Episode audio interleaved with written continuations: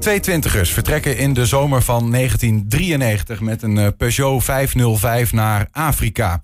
Via Marokko en Algerije willen ze naar Mali om daar hun auto te verkopen en dan vanuit Egypte, geloof ik, terug te vliegen. Ze stranden echter in die Sahara en vinden daar uiteindelijk zelfs de dood. Een bizar verhaal dat een bijzondere wending krijgt dankzij afscheidsbrieven die ze achtergelaten blijken te hebben. 30 jaar na dato schrijft Eddy van der Leij, journalist en vriend van een van die twee jongens, uh, daar een boek over. Namelijk Heldendaad in de Sahara. Eddy is bij ons, welkom. Ja, dankjewel. Um, heb je jouw verhaal al, aan verschillende talkshowtafels gedaan? Wij zijn de eerste in Twente, dus maar dank dit is daarvoor. Het? Ja, nou dank. Uh, ik, ik, moet zeggen, ik heb um, het stuk erover in Tubantia gelezen. Uh, met tranen in mijn ogen. Kan ik me voorstellen, want dat is een beetje de reactie die ik van heel veel mensen krijg. Ik was gisteren bij Langs de Lijn en daar hebben de twee hosten, zoals jij hier ook zit, die hadden datzelfde gevoel gehad. Dus het maakt simpelweg heel veel los. Ja. ja. Het is echt een ongelooflijk, uh, ongelooflijk verhaal. En uh, jij bent in dit geval een vriend van een van de twee hoofd, hoofdpersonen. Um, maar het speelt zich ook al 30 jaar geleden af. Ja. Je kon het niet eerder schrijven? Um, dat had eventueel gekund. Alleen um, ik heb inderdaad met die gedachte gespeeld. Ik, tien jaar na dato, na het drama, dan hebben we het over 2003, heb ik alvast een soort van mooi eerbetoon van het Algemeen Dagblad, dagblad willen schrijven, waar ik toen werkzaam voor was. Hè. Um, daartoe heb ik de families benaderd en ook de familie van de andere kerel, Mark Gilsing, ging ja. akkoord. Alleen toen het eenmaal op de drukpers lag en toen het verhaal geschreven was, werd ik net voor de publicatie werd ik gebeld door de vader. Um, Theo Gilsing. En die zei: Ik kan het niet. Ik kan het toch niet. Alle respect. Dus ik heb het verhaal teruggetrokken. Ik merkte dat de emotie nog te ruw en te rauw was. Ja. Uh, toen heb ik het natuurlijk even laten liggen.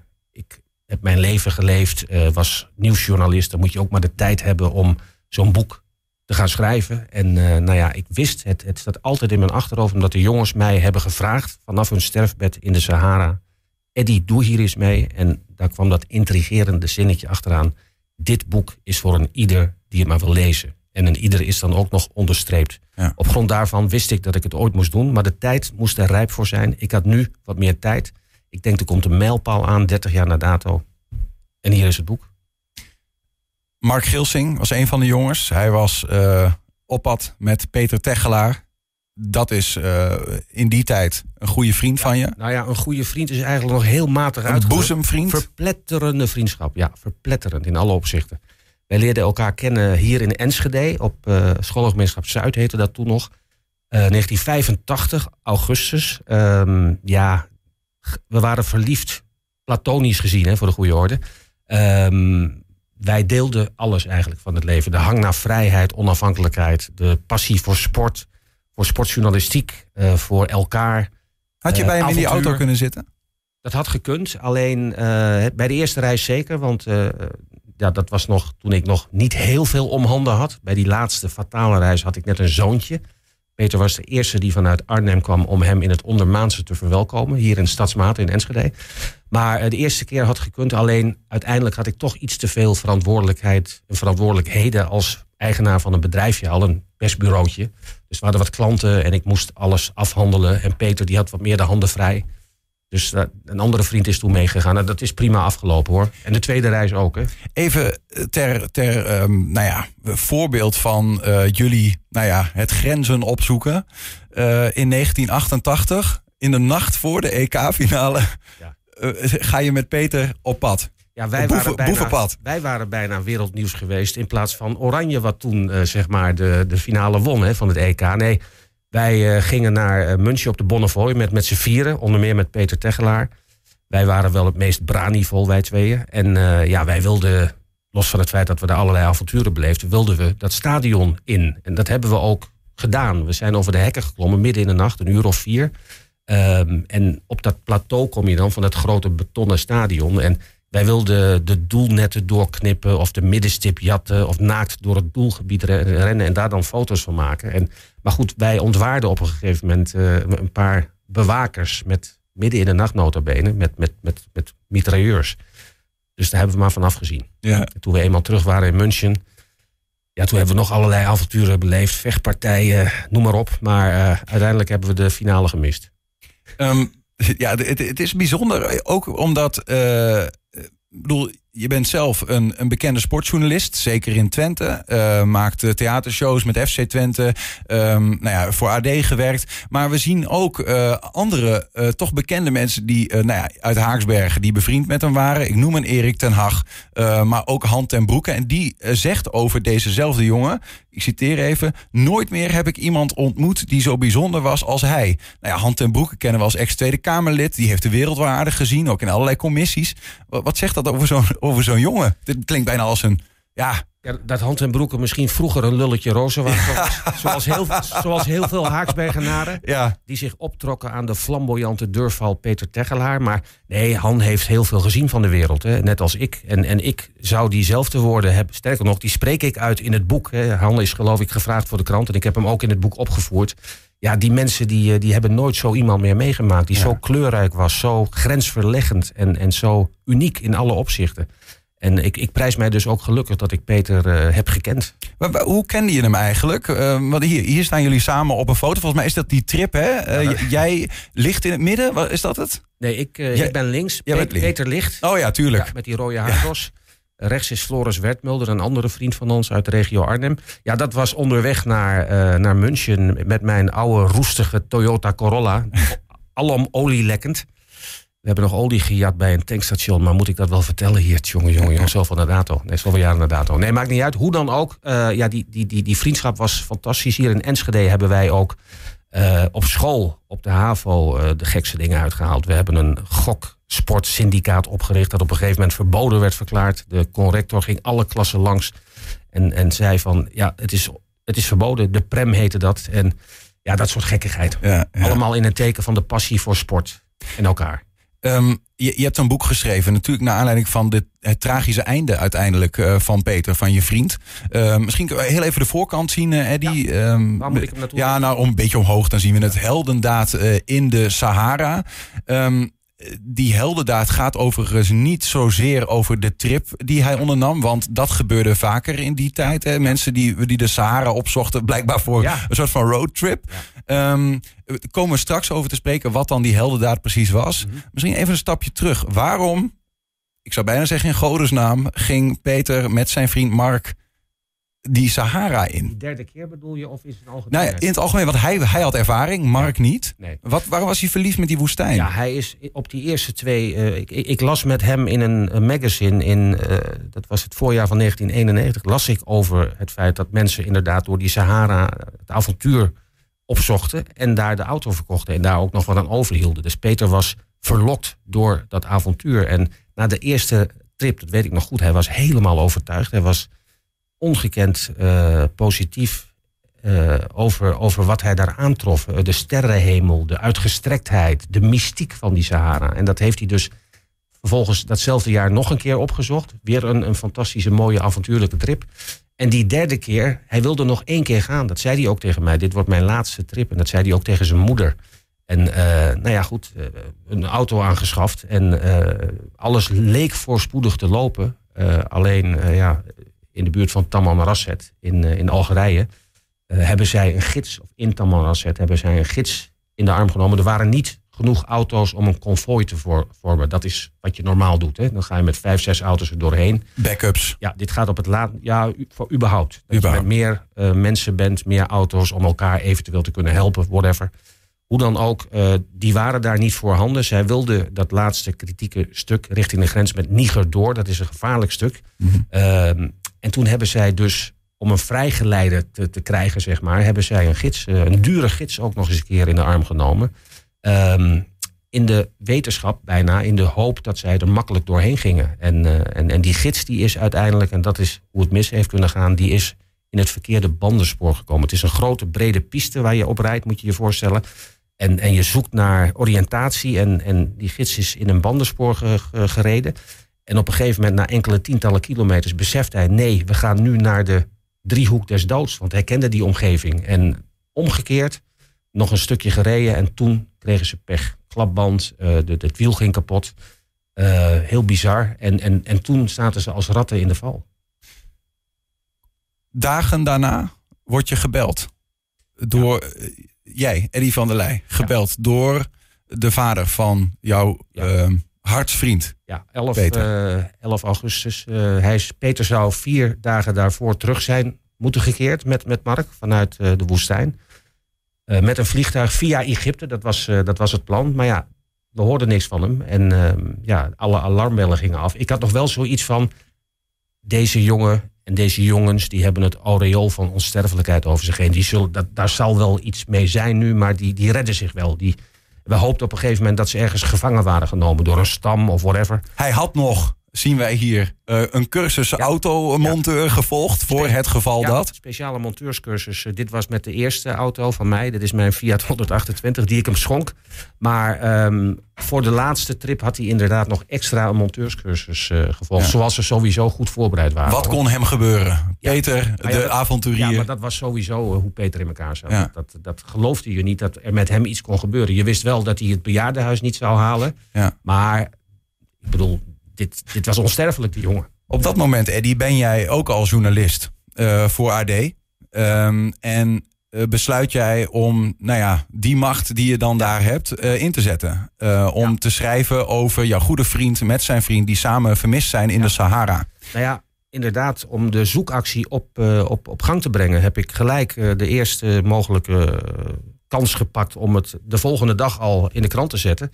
En eh, tegelijkertijd is de familie van Peter Tegelaar en die van Gil, Mark Gilzin, die er ook bij betrokken werden, die zijn ook eh, natuurlijk eh, aan de slag gegaan. Autoriteiten inschakelen, ambassades. Ja. Overigens moest de familie van Mark deels vernemen via jouw artikelen. Ja. Omdat het allemaal zo snel ging. En nou ja, de middelen misschien nog niet zo waren Nee, zoals we nu. kenden die mensen ook niet. Hè. We kenden niet de familie van Mark Gilzing. Ja. Mark woonde op kamers in, in Arnhem. En dat, ja, dat was een losse entiteit, zeg maar. We hadden verder geen, geen, geen contacten. En, Ja. en dankzij dat artikel eh, ja, sloeg eh, Mirjam, de, de zus van Mark, daarop aan. En die is gelijk die middag natuurlijk, die schrok zich kapot. Is eh, contact gaan zoeken met de ouders van Peter. Nou, En toen is daar wel contact gekomen, dankzij dat artikel. Nou, nou, nou is dat binnen, denk ik, journalistiek land over het algemeen als iets te dicht bij je staat, dan geef je het liever aan een collega aan. Dan zeg je van ja, dit raakt mij, dit, hier ben ik misschien niet onafhankelijk in of wat dan ook. Ehm, he- heb, je, heb je getwijfeld, moet ik dit doen? Want het, het zal ook heel moeilijk zijn geweest omdat het zo dicht bij je lag. Het was een constante worsteling. En ik, heb, eh, ik wilde per se een aandeel hebben in de zoektocht. Ik wilde dit mysterie oplossen. Dus ik heb afgesproken met het AD dat achtergrondverhalen die. En met, met andere Sahara-reizigers die wat was overkomen. Dat werd aan collega's gelaten. Maar de nieuwsgaring, de nieuwsberichten, die zouden van mijn hand komen. En dat heb ik gevolgd. Want ik wilde daar gewoon per se een rol in hebben. En uiteindelijk is het fatale bericht. eh, en, en het bericht met de nieuws. eh, met, met de brieven, met, met de afscheidsbrieven, dat is ook door mij geschreven. Bizar genoeg wordt dat gepubliceerd op de dag dat ik ging trouwen hier in Enschede. Ja, heel bizar. Wat een toeval, hè? Ja. Dus ook die trouwerij die, die gaat twee gezichten dan ook kennen. Ja. Jouw, jouw eigen huwelijk eh, op dat Ja. moment. Ja, dat was natuurlijk, überhaupt had ik het al af willen kappen, want ik had helemaal geen zin meer in. En eh, dus ik heb de vrijgezellenparty heb ik sowieso afgeblazen, want daar zou Peter de grote aanjager zijn. Ja. Ehm, en, en ja, de familie van Peter die drukte mij op het hart van... ja, zet nou maar door, want dat zou Peter hebben gewild. Nou, daar heb ik me dan wel aan gehouden. Maar het Ja. was natuurlijk, er lag een deken van, eh, van gelatenheid over die, eh, over die, over die plechtigheid. En ik heb dat ook met, met nadruk gezegd. En eh, ik, heb, ik weet nog dat ik, de, dat ik de luchtgitaar hanteerde bij de muziek die Peter ook adoreerde... van Jimi Hendrix en Bon Jovi en Iron Maiden. En ik, ja, mijn gedachten dwaalden natuurlijk steeds af. Dus de solo's waren ook niet zo scherp als normaal. en zo virtuoos. Ja. Ehm, troost vonden jullie uiteindelijk in eh, dat wat die twee jongens hadden gedaan. Eh, diepe troost misschien zelfs. Want iemand die eh, vermist, ehm, een vermiste heeft in zijn familie, die nooit weer wordt teruggevonden. ehm, dat is een open wond. En dit zal het dat misschien ook zijn. Maar zij werden teruggevonden met die afscheidsbrieven waar je al even aan refereerde. En dat is uiteindelijk eh, datgene wat jij een heldendaad bent gaan noemen. Ja, dit is het mooist denkbare cadeau geweest wat wij van hen hebben eh, mogen krijgen. Kijk, wat jij zegt, dat is natuurlijk zo. Hè? Op zo'n desolate plek, het zou zomaar kunnen dat je die mensen nooit meer terugvindt. Scenario B is dat je ze terugvindt, de lijken, en zonder bijvoegsel. Maar hier lagen dus, lag dus een, een, een dagboek ommuurd met stenen, eh, gewapend om het te wapenen tegen de grillen van de woestijn, tegen woestijnratten, tegen schorpioenen, tegen de zandstormen die daar heersten. Want het moest gelezen worden. Het moest gelezen worden. Het staat ook uh, groot in het Frans hebben ze het nog opgezet dat het voor de Monsieur de la Police, dit is, om, dit is voor onze familie. En uh, ja, de inhoud van die brieven toen wij dat lazen, ja, koude rillingen, tranen. Uh, de manier waarop zij afscheid nemen, dat is een heldendaad. Want zij maken hun eigen leven heel klein. Dat relativeren ze naar de kloten. Om hun nabestaanden, de mensen die hun nabestaanden gaan worden, om die de steun en de kracht te geven om door te gaan. Ja, dat is natuurlijk kippenvel op alle fronten. Dat is ongekend geweest. Je, je haalt er een aantal aan in je boek. Uh, ik weet niet of, of, jij daar wat van kunt en wilt voordragen. Want dit is, dat zijn wel de fragmenten ook waar ik uh, ook de, de, koude rillingen en de tranen van in mijn ogen kreeg. Ja. Dit zijn dus woorden van twee jongens die weten dat het voorbij is. Ja, dat is ook zo. En um, ze zeggen onder meer van uh, de enige uh, hel voor ons is de gedachte aan jullie verdriet. En we zijn als grote jongens de, uh, het avontuur aangegaan. We zullen als grote jongens uh, ons verlies ondergaan. Dat soort dingen, onze eigen lasten kunnen we wel dragen. Peter schrijft onder meer dit aan zijn vrienden. Geachte vrienden, dank je Rijn, Eddy, King, Joop, Erwin, hun en alle andere vrienden. Het afscheid is daar, het doek is gevallen. Techel is niet meer. Voor diegenen die nog geld van me kregen, is dat vervelend. Ik kan me dat goed voorstellen, Rijn. Kloten, hè? Ik ga me hier niet overgeven aan allerlei emotionele betogingen. Betogen. Zoals jullie ongetwijfeld zullen begrijpen, kan ik dat zo langzamerhand niet meer opbrengen. We hebben samen een hoop fantastische dingen meegemaakt en daar ben ik jullie dankbaar voor. Vooral voor al het bier dat daarbij rijkelijk vloeide. God, wat heb ik daar nu een zin in. We hebben nog twee liter water en het zal dus wel snel afgelopen zijn met ons. Het is kennelijk onze tijd om te gaan, want we zitten op een normale route waar al vier dagen niemand langs is gekomen. Dat hebben we maar te accepteren. Klotenzooi. Nog één stukje dan. Als laatste verzoek heb ik het volgende. Willen jullie mijn familie in deze barre tijden bijstaan en waar mogelijk helpen? En vergeet daarbij Alma niet, zijn vriendin, want die krijgt het misschien wel het zwaarst. Beloof me dat jullie haar niet aan haar lot overlaten en haar zoveel mogelijk bijstaan. Ik ga er gevoeglijk van uit dat jullie je wel redden. Dankzij mijn begrafenis, mits niet te vroeg, hebben jullie tenminste weer een goede smoes om je overvol te laten lopen. Gaaf hè? Denk bij de smaak van het koude bier aan ons en maak er een leuke avond van. De groeten aan jullie vriendinnen en maîtresses. Vaarwel, Techel. Ja, dat is toch werkelijk niet te geloven. Het blijft, blijft moeilijk om dat, uh, dat voor te dragen, maar ja, dit is hij in, in al zijn grootsheid en al zijn, uh, ja, in alles wat hij was. Ja, ja dankjewel. Ja, het is waanzinnig. Um, en, die, en die woorden die hebben uh, voor jullie, maar ook voor directe familie en zo, uh, uiteindelijk die, die relativering heeft hen, ja. heeft hen ook geboden wat, wat ze hoopten dat, dat ze zouden, dat Peter hoopte dat ze zouden krijgen. Ja, als je dat kunt op dat moment, je kunt heel makkelijk in verdriet vervallen hè, en in geklagen en zo als je daar op die plek zit. Maar dat deden zij dus niet. Ze hebben dus de tegenwoordigheid van geest gehad om, om juist die woorden van moed en kracht te spreken. En ik heb natuurlijk alle mensen voor dit boek die ook gepersonaliseerd worden aangesproken. Die heb ik ook, ook, mensen die ik 30 jaar geleden voor het laatst heb gezien van de andere kant van Mark. Uh, ja, die heb ik bezocht en ik heb natuurlijk gevraagd: wat heeft dit met jullie gedaan? En natuurlijk met mijzelf, dat schrijf ik. En, en, en, en met, de, met, de, met de moeder van Peter, met zijn broer. Um, ja, en dat is onge ongekend geweest. De, de, de, impact die dat heeft gehad. Uh, dat ze voort zijn geholpen. Dat ze niet in het duister hoefden te tasten wat er gebeurd was. En deze woorden die hebben ze altijd met hun meegedragen. En tot op de dag van vandaag. Dus het, ja. heeft, het heeft hun zeg maar de legitimatie uh, gegeven om, om door te leven. En wat Mark, of wat, wat Peter ook onder meer nog tegen zijn vriendinnetje zegt. Op dat moment 18 jaar. Ik wil dat je weer een nieuwe relatie neemt. Zo snel mogelijk. Of op het mo moment dat het schikt. Ja, zeg het maar. En tegen zijn vrienden, uh, uh, naar de hemelpoort meteen links bij die ja. bar. Daar, zit, daar zitten ja, we. Ja. Daar vind je ons. Maar het is, nou je kunt je het gewoon niet goed voorstellen wat er door hen heen gaat. En toch weer wel door die brieven. Tegen jou, uh, aan jou schrijven ze ook. Eddie, zorg dat dit verhaal verteld wordt, zoals je al zei. dat heb je gedaan met dit boek. daarvoor ben je ook, en dat is nog wel even goed om te benoemen. 30 jaar na dato ehm, teruggegaan met de broer van Mark. Ja, ik ben met, uh, met de broer van Peter. Sorry, met de broer Tom, van Peter. Ben ik uh, in eind februari van dit jaar zijn we teruggegaan. We wilden proeven en voelen hoe het daar was. Hè, in, op de plekken waar Peter voor het laatst is gezien. We wilden eigenlijk ook stiekem wel naar de plek waar het gebeurd is. Alleen we kwamen erachter dat dat op een zo'n desolate plek is dat het heel moeilijk was om daar te komen. We waren trouwens de eerste, we zaten bij de eerste shift van toeristen die daar sinds elf jaar weer mocht zijn voor toeristische doeleinden. Dus ze keken ons al heel vreemd aan. Uh, twee van die lange uh, blanken die daar door die stad heen, uh, heen liepen. dat was, hadden we geluk mee. Um, en ja, we hebben daar in de voetsporen gelopen van Mark en Peter op de camping waar ze die gids hebben ontmoet ingehuurd. Uh, ja, je voelt, je ziet wat zij ook hebben gezien daar. Hè? En ik, ik weet nog wel dat ik vroeg aan onze gids. Wij hadden ook een gids, een hele goede ook. Uh, een, een, een Touareg jongen.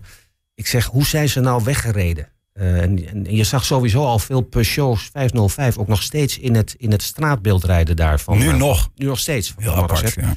En toen wees hij mij de weg naar die route waar ze naartoe waren ze gereden. En ik, en ik zag ik zag in een Peugeot die daar voorbij reed, zag ik gewoon Mark, Peter en de gids min of meer. En dat moet dan een Fata Morgana zijn geweest. Maar je zit helemaal in die spirituele sfeer kennelijk op de een of andere manier. Ja, dat was heel indrukwekkend. Dus ja, we hebben toch wel ook heel veel antwoorden gekregen op, uh, op, de, op de vragen die Peter en Mark nog hadden destijds. En die hebben wij nu, postuum, hebben wij die ze kunnen beantwoorden. Staat allemaal in het boek. Hoe voelt het voor je dat het, dat het verhaal opgeschreven? Ik kan me ook voorstellen dat je jarenlang uh, dat het een soort van dwars zit. Van ja, het, het, moet geschreven. Ja, dwars niet, want ik wist wel dat ik het gewoon ging doen. Hè. Dus ik wist dat, het, dat ik het ging doen. Alleen ik moest het juiste moment uh, kiezen. Maar ja, dit voelt wel als het voltooien van een missie. En mijn volgende stap is dat, dat uh, dit boek niet alleen in Nederland voet aan de grond krijgt, maar mondiaal ook. Hè. Want dit, dit is een dit, dit verhaal is universeel uniek. Hè? Dit, dit hoeft zich niet binnen de landsgrenzen van dit land op te houden. Dus ik zit volgende week in een talkshow in, in België, dat is het begin. En um, ik wil het in allerlei talen wil ik het laten uitkomen komende tijd. En je bent benaderd door uh, beeldende uh, producenten, ja, filmproducenten, ja. series, wat is het? Nee, ik heb nu al een aantal, uh, vanmorgen kwam er weer een nieuwe binnen. filmproducers die de filmrechten willen kopen en daar een film van willen maken. En uh, dat is mij nu nog veel te, veel te, te pril en te vroeg. Uh, laat eerst dat boek maar landen.